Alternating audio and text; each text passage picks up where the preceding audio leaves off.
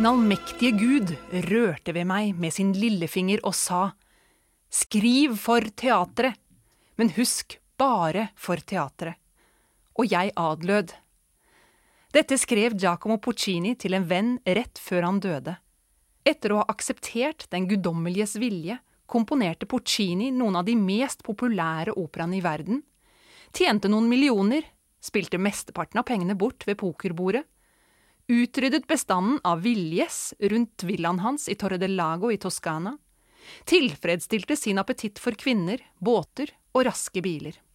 Allerede før kongen av Italia fikk sin egen bil, hadde Puccini skaffet seg sin første. Dette var livet til Puccini i et nøtteskall. Og han definerte seg selv som en mektig jeger av ville fugler, operalibrettoer og vakre kvinner. Og han skal også ha sagt, tenk, hvis jeg ikke hadde gitt meg hen til musikken, så ville jeg aldri ha klart å utrette noe fornuftig i denne verden.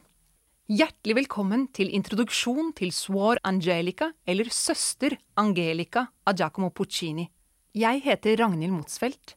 Jeg er operasanger og skal lede dere gjennom forestillingen. Ordet suor betyr søster på italiensk, men brukes mest i religiøs forstand. Suor Angelica er den midterste operaen i Puccinis siste fullførte verk Il Trittico, som også består av operaene Il Tabarro og Gianni Schicchi. Selve ordet tryptikon kommer fra gresk og betyr opprinnelig tre lag. Det brukes om tredelte altertavler med en midtdel og to sidedeler som kan lukkes som et slags skap. Verket hadde premiere ved Metropolitan i New York kun en måned etter første verdenskrigs slutt, altså 14. desember 1918. Og godt var det at Puccini ga seg hen til musikken. For Puccini har gitt oss noen av de vakreste melodiene som finnes. Han var en kløpper til å komponere melodier som satte seg fast, ikke bare hos operapublikummet. Bare tenk på hva Puccinis Nessun Dorma, sunget live av Pavarotti, gjorde for fotball-VM i Italia i 1990. En hel fotballverden trykket den til sine hjerter. Men hvordan klarte Puccini å lage musikk som vi nærmest elsker med en gang vi hører den? Musikk som vi føler at vi kjenner igjen med en gang, og det er flere grunner til dette. For det første brukte han ofte veldig enkle, melodiske figurer, akkurat som de enkleste barnesangene som vi alle har vokst opp med. Og det de fleste barnesanger har til felles, er at melodien går fra én tone til den påfølgende tonen, osv., uten store sprang, som for eksempel Fader Jakob, Fader Jakob Dette gjør melodien lett å huske. Og så har kanskje noen lagt merke til hvordan Puccini først introduserer oss for en kort melodisnutt, og ganske kort etter så repeterer han den, og vi gjenkjenner den med en gang. Akkurat som Fader Jakob. Og når vi hører den igjen, er det akkurat som vi allerede har hørt melodien mange ganger. Og dette er tilfellet med nesten alle de kjente ariene som Puccini komponerte. Så i motsetning til andre store komponister på begynnelsen av det tyvende århundre, som eksempel Richard Strauss, Mahler, Korngold eller Berg, så komponerte Puccini alltid musikk med den hensikt å tilfredsstille sitt publikum. Hva hadde eksempel dagens filmmusikk vært uten Puccinis innflytelse? Giacomo Puccini ble født i den toskanske byen Lucca den 22. desember 1858. Han var barn nummer fem i rekken av ni, og den første sønnen til Michele og Albina Puccini. Han ble oppkalt til ære for flere av sine forfedre, og het derfor Giacomo Antonio Domenico Michele Secondo Maria Puccini. Forfedrene hadde alle vært fremtredende musikere og komponister, og alle hadde de hatt stillingen som organist i katedralen San Martino, og de hadde vært maestro di capella i republikken Lucca. Puccini-familien var virkelig et musikalsk dynasti. Da den unge Giacomo fortsatt bare var et barn, døde faren hans, Michele, og etterlot sin 34 år gamle gravide kone Albina med åtte barn mellom 16 måneder og 12 år. To av faren sine stillinger ble utrolig nok reservert til hans sønn og arving, den da seks år gamle Giacomo. Så det var fullt forventet at Giacomo skulle følge i sin fars fotspor. Mamma Puccini kjempet for å oppdra og utdanne alle sine barn, og spesielt unge Giacomo. Giacomo var en uoppmerksom student, og en av lærerne skal visstnok ha rapportert hjem at han kommer bare til skolen for å slite ut buksebaken. Det tok ham fem år å karre seg gjennom den fireårige grunnskolen. Deretter begynte han på sine musikkstudier. I en alder av 14 år tjente Giacomo litt penger på å spille orgel i en rekke av byens kirker. Han sjokkerte menighetene med å blande inn litt populær musikk og slagere fra de nyeste operaene, som for eksempel Verdis Rigoletto, i improvisasjonene sine. Han hadde mange måter å bruke sitt musikalske talent på for å tjene penger. Han fikk seg elever, han spilte piano i de lokale tavernene og i de nærliggende feriestedene. Og også på en bordell, skal ryktene ha det til.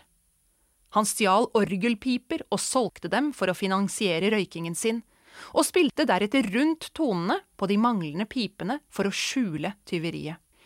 I løpet av sitt liv komponerte Puccini et begrenset antall operaer. Kun tolv totalt. Puccinis hovedinteresse var å skape perfekte verk som kunne bli en del av det faste operarepertoaret til de store operahusene verden over. Og tre av hans operaer er stadig på listen over de ti mest spilte operaene i verden. La Bohème, Tosca og Madama Butterfly. Det kan være vanskelig å forestille seg hvordan den toskanske maestroen, med en forkjærlighet for flotte biler, sigarer og pene damer, kunne skrive et spirituelt verk som Swar Angelica. Men Puccini kom som nevnt fra et dynasti av organister, og han hadde vokst opp med å synge i kirkekor, og han hadde spilt til uendelig mange gudstjenester. Puccini var ikke en svært ivrig katolikk, men han hadde nok en sterk kristen ånd. Han hadde også et nært forhold til sin søster Eugenia, som ledet et kloster utenfor Lucca, og han hadde flere gode venner som var prester. Etter å ha fullført Il Tabarro, den første operaen i Il Tritico, søkte Puccini etter en kontrast til denne mørke og melodramatiske historien. Til tekstforfatteren skrev han at han ønsket en opphøyet tekst, noe som ville få ham til å skrive musikk med vinger. Og noen måneder senere kom Giovacchino Forzano med en skisse av et drama satt i et nonnekloster, og derfor kun for damestemmer, hvilket er helt spesielt for denne operaen. Puccini så umiddelbart hvilken effektiv kontrast dette kunne være til Il Tabarro. Dette er den eneste teksten til Puccinis operaer som ikke direkte bygger på et allerede eksisterende teaterstykke eller lignende. Men flere påpeker at Forzano nok har latt seg inspirere av middelalderlegenden Genoveva av Brabant. Der Genoveva, uskyldigheten selv, ble beskyldt for utroskap og måtte leve seks år i skogen. Der fødte hun en sønn og livnærte seg på en hjort, før et mirakel inntraff og hun ble frifunnet fra anklagen. Sor Angelica var uten tvil Puccinis egen favoritt blant de tre enakterne, og han skal visstnok ha sagt at han gladelig hadde byttet ut hele Gianni Skikki mot én tone fra Sor Angelica. Akkurat som i Il Tabarro var Puccini også i Sor Angelica inspirert av Debussy. Noe av det viktigste Debussy innførte, var parallelle akkorder en rekke like eller nesten like akkorder etter hverandre og med parallell bevegelse i alle stemmer. Fra gammelt av var dette forbudt i den musikalske grammatikken. De gir en noe orientalsk følelse, men også en drømmende, hypnotisk og bølgende lyd. Typisk for modernistene var også melodier som besto av nokså korte motiver, som deretter sattes sammen i en slags mosaikk. Her skal dere få høre begynnelsen av operaen, spilt av en av våre akkompagnatører.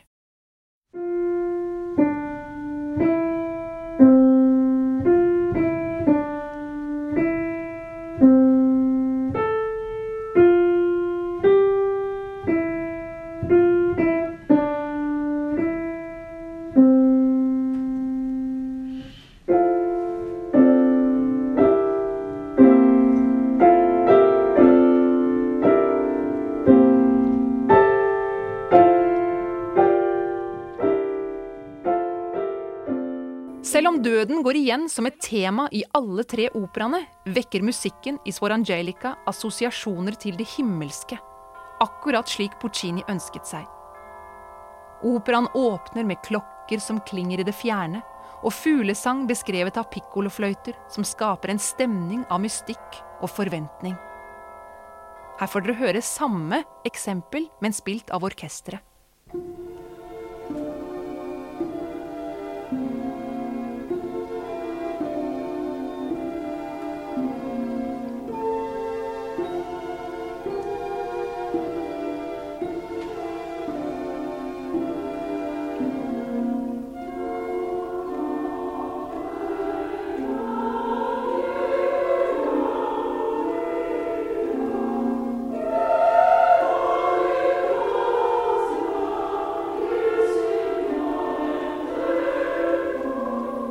Men alt er kanskje ikke så lyst og harmonisk som det først kan virke som.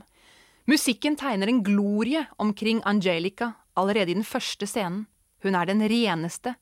Hun er som navnet tilsier, Guds budbringer, altså en engel. Og dette på tross av at hun har blitt sendt bak klostermurene for å ha blitt gravid utenfor ekteskap. I Suor Angelica var Puccini spesielt interessert i å musisere hele scenebildet, og operaens åpning skaper et perfekt musikalsk baksceneteppe av livet i klosteret. Det er bønnetid, og alle søstrene synger lovsanger. Etter bønnen så samler de seg rundt kildevannet, der solnedgangen får vannet til å se ut som flytende gull, kun tre kvelder på rad i tiden rett etter påske. Søster Genoviefa foreslår å ta med litt gullvann til søster Rosas grav, for det hadde hun sikkert ønsket seg, sier hun. Søstrene begynner da å diskutere om det er tillatt for dem å ha verdslige ønsker. De fleste av dem svarer at de ikke har noen ønsker, men igjen er det søster Genoviefa som tar ordet. Hun mener det burde være lov så lenge ønskene er enkle og uskyldige. Siden hun var gjeter før hun avla klosterløftet, er hennes høyeste ønske å få holde et lite lam igjen. Da Svor Angelica svarer nei på at hun ikke har noen ønsker, hvisker noen av søstrene at hun har sagt en løgn.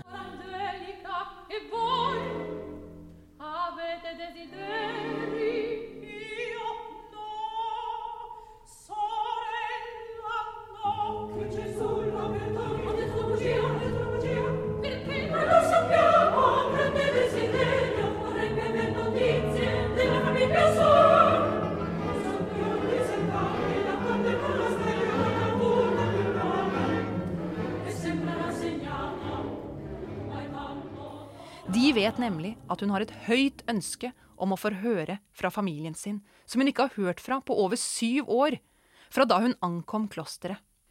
Noen av søstrene trekker seg unna og fortsetter å snakke om at før Angelica gikk i kloster, var hun visst veldig rik og kom fra en svært fin familie. Hun var til og med adelig, er det noen som sier. Angelica steller blomstene i klosterhagen da en søster kommer løpende og ber om noe lindrende til en annen søster som har blitt stukket i ansiktet av veps. Angelica er nemlig svært urtekyndig og har som regel alltid noe som kan hjelpe.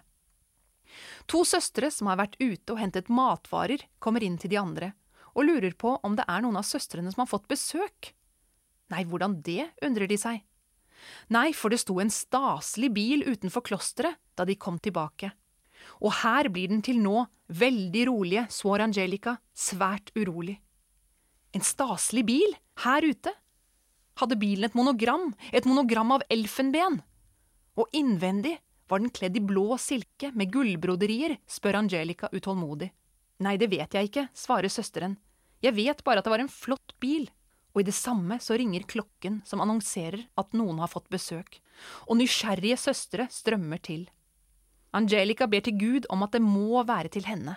Abbedissen, overhodet i klosteret, kaller på Suor Angelica, og det går et sukk gjennom forsamlingen av søstre. Vær så snill og fortell meg hvem det er, ber Angelica. I over syv år har jeg ventet. Det er tanten din, fyrstinnen, som har kommet for å snakke med deg, svarer abbedissen og viser vei. Tantens entré er fantastisk beskrevet i sceneanvisningen og gjennom Puccinis musikk. Inn kommer en mørk figur med en streng holdning og med stor aristokratisk verdighet. Det er fyrstinnen, Angelicas tante. Hun beveger seg sakte mens hun lener seg på en stokk av ibenholt. Hun dveler, kaster et blikk på sin niese, helt kaldt og uten å forråde noen følelser. Svår Angelica, som er full av ulike følelser, nærmer seg tanten, hvorpå den gamle kvinnen så vidt strekker ut sin venstre hånd, som for å vise at det eneste hun tillater av tilnærmelser, er den underordnede handlingen av et håndkyss.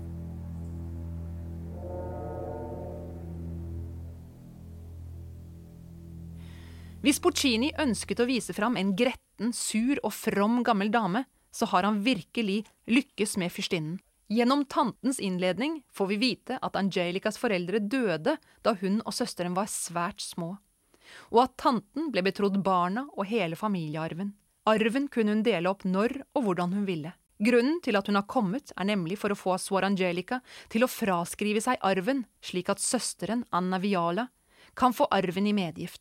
Suor Angelica blir helt øm av å tenke på at hennes lillesøster skal gifte seg, og spør hvem den heldige er. En som ut av kjærlighet har klart å benåde det du gjorde, som for evig satte flekker på vårt familienavn, svarer tanten. Her mister Swar Angelica besinnelsen. Nå synes jeg du er hjerteløs, sier Angelica. Alt har jeg ofret til jomfru Maria, men jeg kan ikke ofre det å glemme sønnen min. Den lille skapningen som ble tatt fra meg, som jeg bare fikk se og kysse én eneste gang. Det er dette jeg har bedt om i over syv år. Fortell meg om han. Hvordan er sønnen min? Hvor vakker er han ikke, og hvilken farge er øynene hans? Det blir helt stille. Hvorfor sier du ingenting? spør Angelica. For to år siden ble han fryktelig syk, forteller tanten til slutt. Alt ble gjort for å redde ham. Er han død? skriker Suor Angelica og faller ned på kne. Verden raser sammen rundt henne. Tanten påkaller abbedissen og ber henne om skrivesaker. Angelica skriver under på arvedokumentet, og tanten forlater klosteret. Uten mamma døde du, lille gutten min. Leppene dine ble kalde uten mine kyss. Du døde uten å vite hvor mye mammaen din elsket deg. Synger Swar Angelica i operaens mest kjente arie, Senza mamma, uten mamma.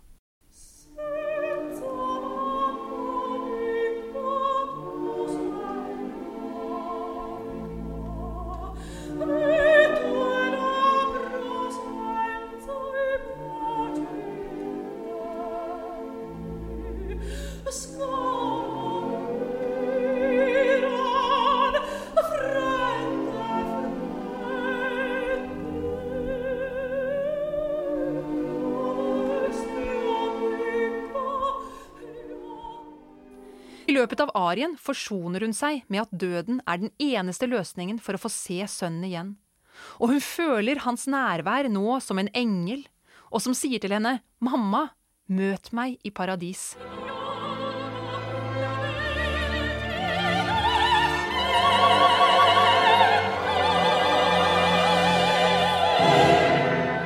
Når alle har lagt seg for kvelden, sniker Angelica seg ut og plukker sammen de giftigste urtene hun finner blant annet giftkjeks, og koker opp en giftdrikk som hun drikker. Hun vil dø så fort som mulig for å kunne se sønnen sin igjen, men så går det opp for henne at hun har gjort noe fryktelig galt.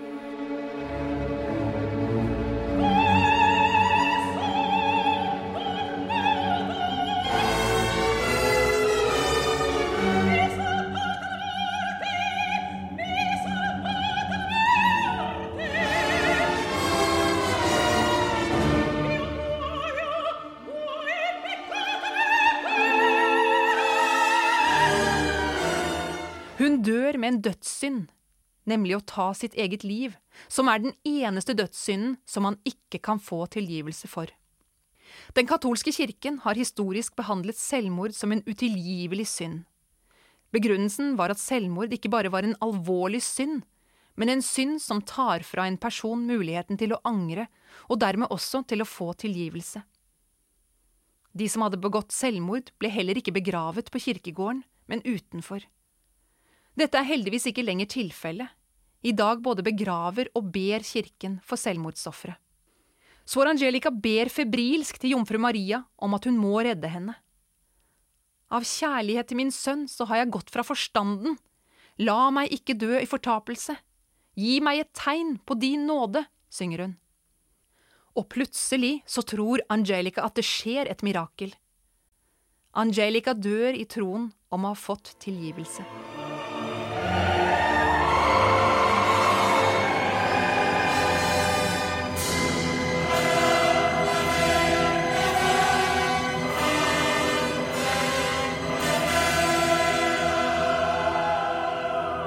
Så galt kan det altså gå når man bryter et av de sterkeste båndene som finnes, nemlig båndet mellom mor og barn.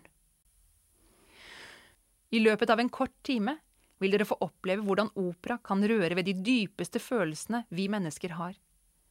Og kanskje vil dere oppleve kamamota. Kamamota er sanskrit og betyr rørt av kjærlighet. Kamamota-følelsen gjenkjennes av en plutselig opplevelse av fellesskap, kjærlighet og tilhørighet. Og da gjenstår det bare for meg å be dere om å huske lommetørkleet. God fornøyelse.